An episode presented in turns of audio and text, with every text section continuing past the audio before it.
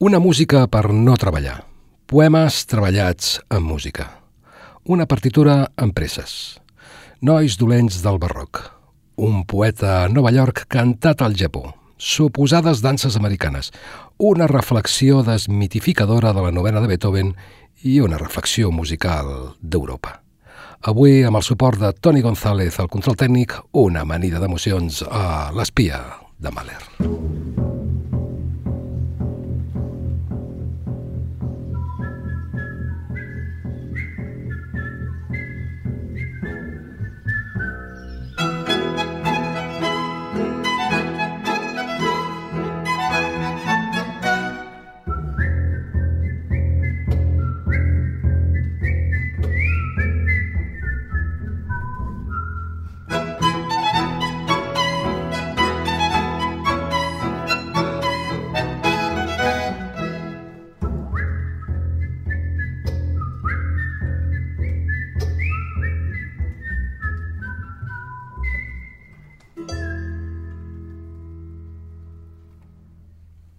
La banda sonora del programa d'avui. Jo no vull treballar, jo no vull esmorzar, jo només vull oblidar.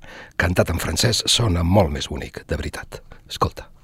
Ma chambre a la forme d'une cage. Le soleil passe son bras par la fenêtre. Les chasseurs à ma porte comme les petits soldats qui veulent me prendre. Je ne veux pas travailler, je ne veux pas déjeuner, je veux seulement oublier et puis je fume. Déjà j'ai connu le parfum de l'amour, un million de roses n'embâmerait pas autant.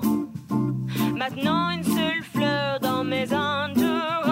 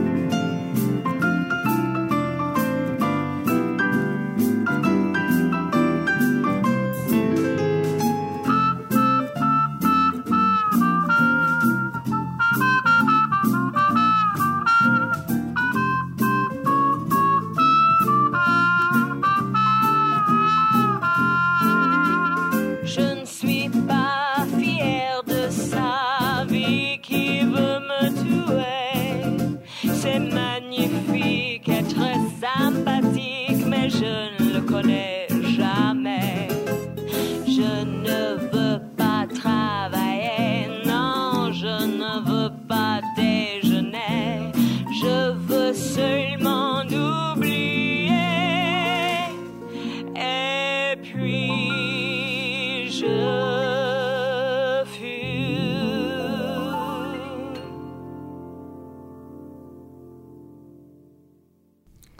Aquesta música té pressa. Ara s'acosta tot córrer una partitura nascuda en el cap del francès Guillaume Connesson, que té 48 anys i és professor de composició al Conservatori Nacional d'Auberville.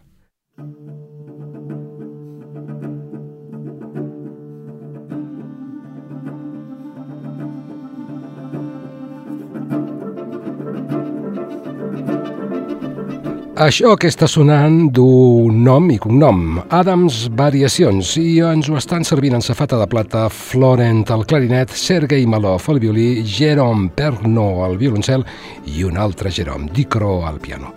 I no em pregunteu per què, però aquesta música està enregistrada en el Museu de Luciana.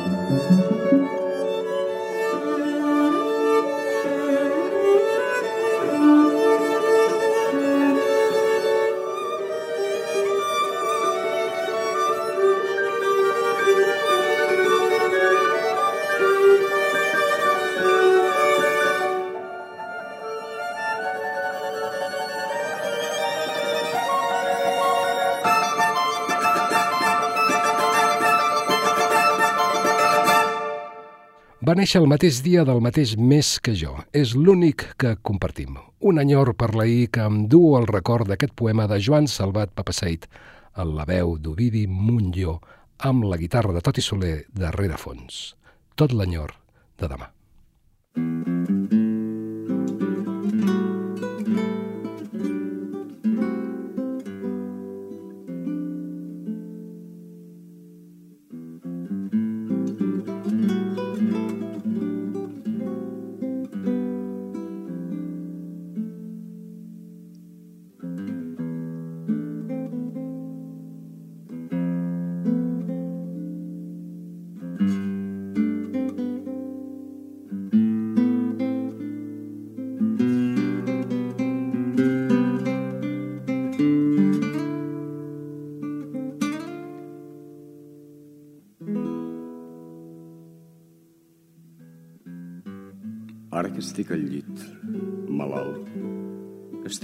Força content.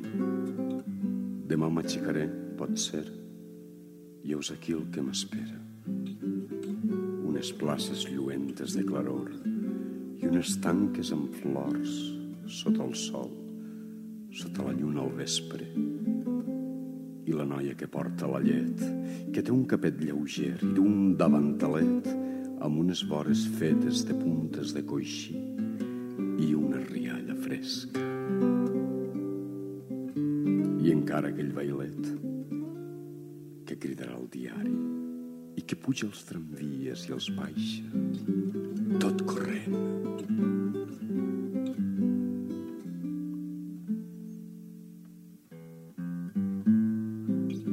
I el carter, que si passa no em deixa cap lletra, m'angoixa, perquè no sé el secret dels altres que porta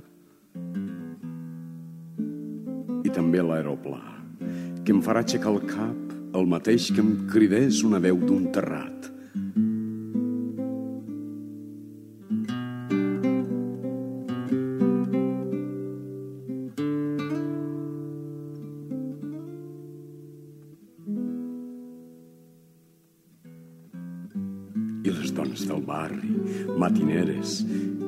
Travessen de pressa en direcció al mercat amb sengles cistells grocs i retornen que sobreixen les cols i a vegades la carn i d'un altre cireres vermelles.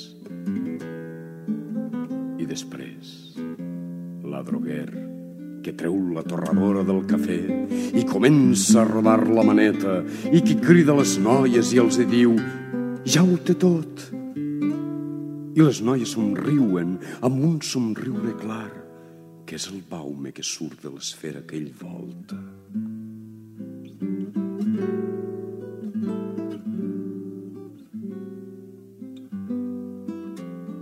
I tota la quitxalla del veïnat qui mourà tanta fressa perquè serà dijous i no anirà a l'escola. I els cavalls assenyats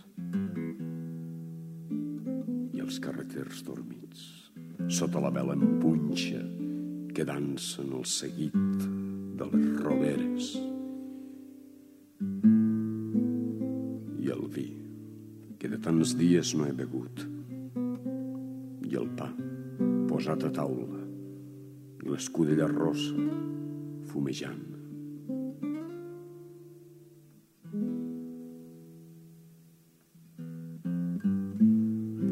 vosaltres, amics, perquè em vindreu a veure i ens mirarem feliços. Tot això bé m'espera si m'aixeco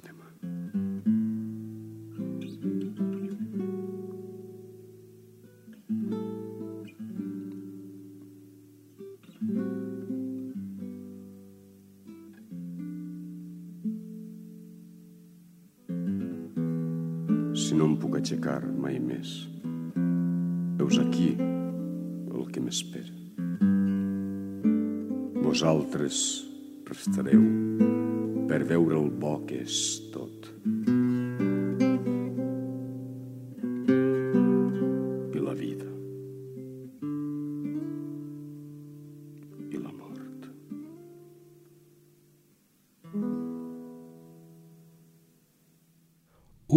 Llibre de cavalleries espanyol. Amadís de Gaula va inspirar el compositor alemany que més ens ha fet creure els descreguts en el Messies, a saber, Händel. Una òpera que estrenà amb l'èxit l'any 1715, comptant amb la inestimable col·laboració d'un dels cantants més famosos de l'època, el castrati Niccolo Grimaldi. Avui, per ventura de la decència, ja no hi ha castrati, però tenim la sort de tenir veus del seu registre. A saber, el contratenor català Javier Sabata, que ha triomfat arreu del planeta cantant les malifetes dels nois més dolents de l'òpera en un enregistrament amb la llegenda Bad Guys. En aquest cas, el dolent de la pel·lícula d'Amadís de Gaula és Dardano, que ara, acompanyat del conjunt Il Pomodoro, ens canta amb la veu de Xavier Sabata que té el cor ben agitat.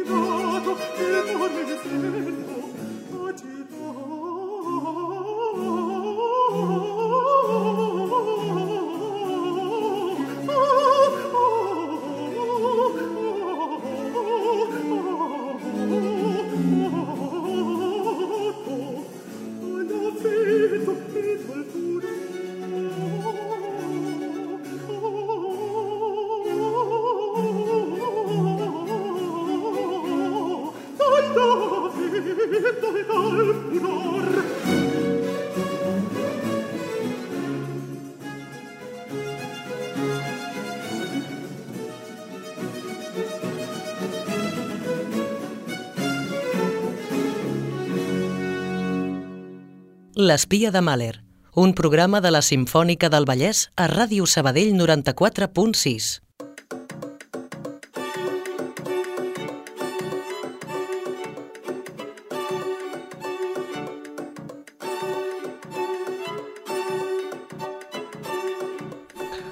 Això que sona és una presumpta dansa. El qualificatiu de presumpte no li he posat jo, sinó el compositor, un dels més exitosos del món de la música contemporània, John Adams. I per què presumpte, us preguntareu? Doncs, segons Adams, perquè les passes per aquesta música encara no havien estat inventades per cap coreògraf. Ara ja sí. El llibre de les presumptes danses de John, com així es diu la partitura, no és un llibre, queda clar. O bé, sí, però a dins. Com sentiu, no hi ha paraules, sinó notes, les que va inventar el compositor contemporani amb més èxit del moment. John Adams perquè les declamés un quartet de corda i un piano manipulat i enregistrat.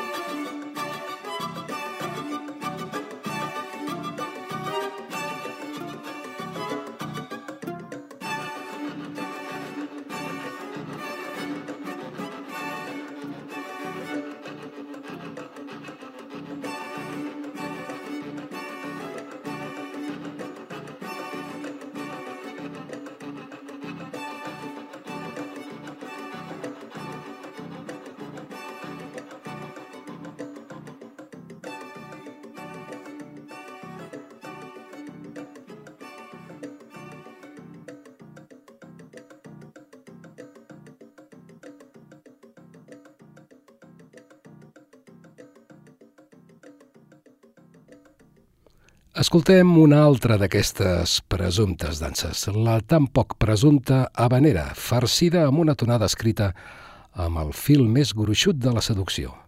Com deia aquell, ballar és somiar amb els peus.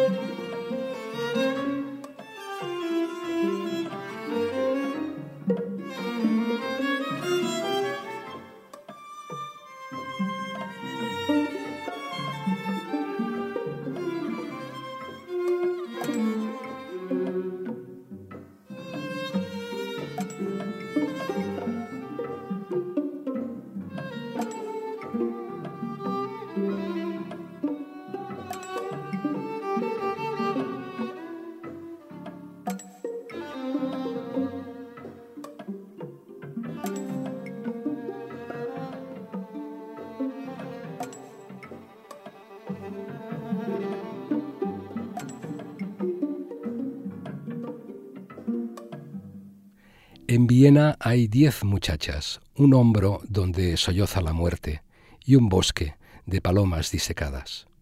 Hay un fragmento de la mañana en el Museo de la Escarcha. Hay un salón con mil ventanas. Toma este vals con la boca cerrada. Este vals de sí, de muerte y de coñac, que moja su cola en el mar. Un poeta a Nova York dient-nos que l'amor no té sexe, o potser és a l'inrevés, que té més d'un sexe. Paraules per a les que Leonard Cohen ha dissenyat un vestit de música que ara ens tradueix Sílvia Pérez Cruz acaronada pel piano de Marco Mezquida en un enregistrament en viu a Tokio.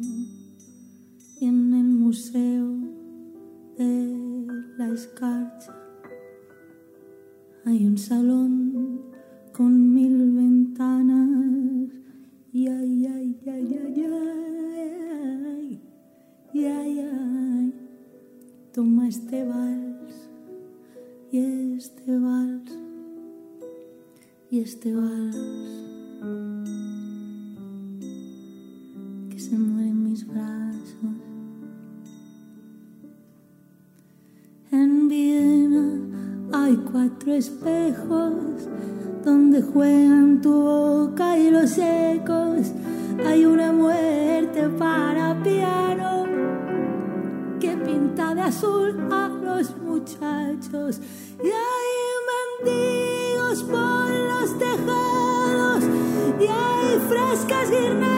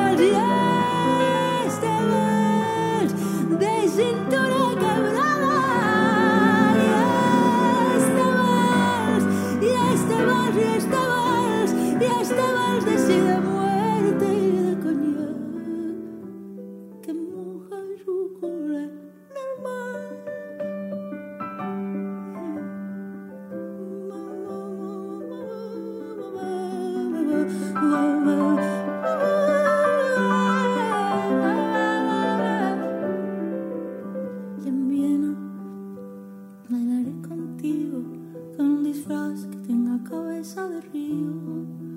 Mira qué orillas tengo de jacintos, dejaré mi boca y entre tus piernas mi alma en fotografías y azucenas y en las ondas oscuras de tu andar.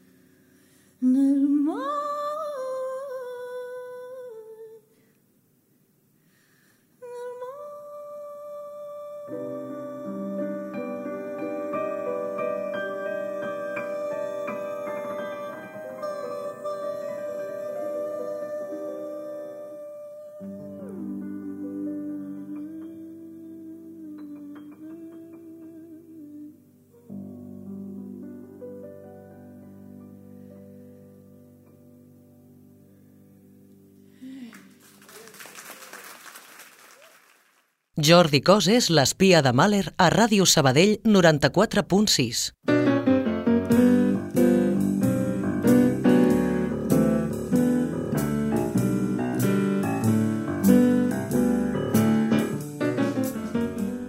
filòsof més mediàtic del nostre temps, l'eslovè Slovak Zizek, va posar potes en l'aire el significat comú que la història li ha donat a l'Oda a la joia de la novena sinfonia de Beethoven. Ens deia Zizek fa uns anys. La impressionant ironia és que la possibilitat d'una marxa turca sobre l'Iraq ja té un precedent a l'himne oficial de la Unió Europea, l'himne a la joia del quart moviment de la novena sinfonia de Beethoven. Aquesta peça és un autèntic significant buit que es pot utilitzar per a qualsevol cosa. A França, Romain Roland la va elevar com a una oda humanista a la germandat de totes les gens, la marsellesa de la humanitat. El 1938 va ser tocada al clímax de la Reichsmusikstage i després va ser utilitzada per l'aniversari de Hitler a la Xina durant la Revolució Cultural, en una atmosfera de rebuig als clàssics europeus, tan sols va ser redimida aquesta peça com una mostra exemplar de la progressiva lluita de classes. Als anys 70, quan les dues Alemanyes de l'est i de l'oest van haver de participar juntes com a un sol equip, va ser l'himne que es tocava cada cop que l'Alemanya guanyava una medalla d'or. El règim supremacista blanc de Rodècia d'Ian Smith, que es va independitzar a finals dels 60 per poder mantenir l'apartheid, va proclamar també aquesta oda com el seu himne nacional. Fins i tot Abimael Guzmán, líder del grup terrorista maoista del Perú, Sendero Luminoso, en ser preguntat per la seva música preferida, va esmentar el quart moviment de la novena de Beethoven. Així que podríem imaginar una representació fictícia en què tots els enemics acèrrims, des de Hitler a Stalin, des de Bush a Saddam Hussein, obliden les seves enemistats i participen en el mateix moment màgic de germanor extàtic. Amén.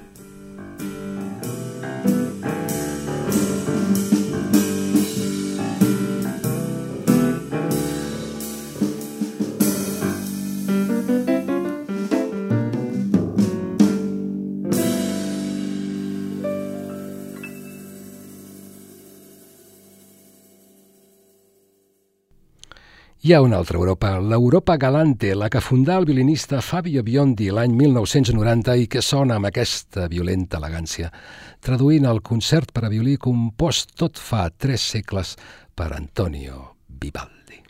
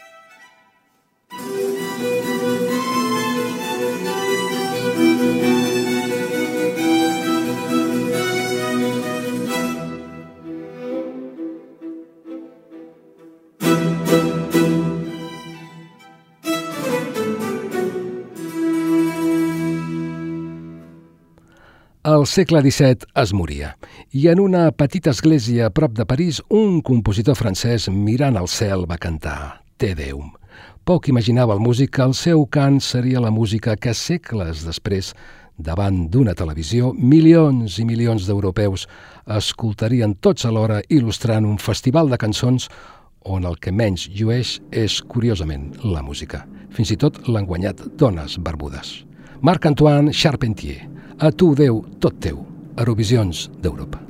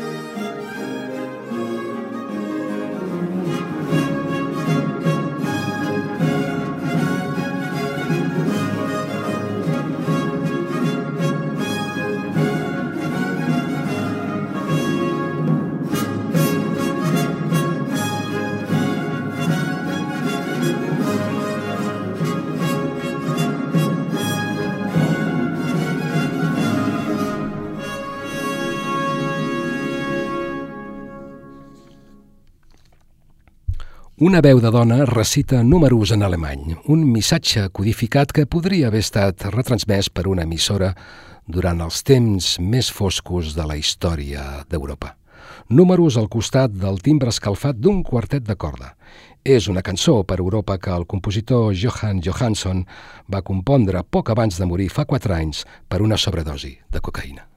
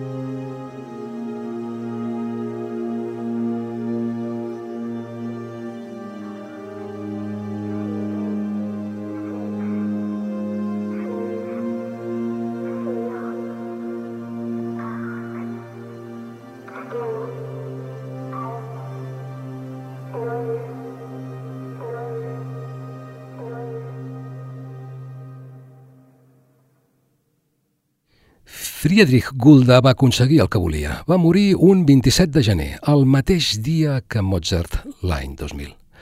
Va néixer 70 anys abans en el Malic d'Europa, a Viena. El primer premi en un concurs internacional el va catapultar cap a l'Olimp de la música clàssica, secció Grans Pianistes. Però l'ambient estirat del món clàssic no simpatitzava gens amb el caràcter excèntric de Gulda. Captivat per altres estils de música, a saber el jazz i succedanis, no només com a intèrpret, sinó també com a compositor. Un exemple, el seu concert per a violoncel que serveix tant com per amenitzar un número de saltimbanquis com per alegrar-te el dia, que és el que farà ara mateix el violoncel·lista Nicolas Alsted per tancar el programa d'avui. Ale hop i bon viatge.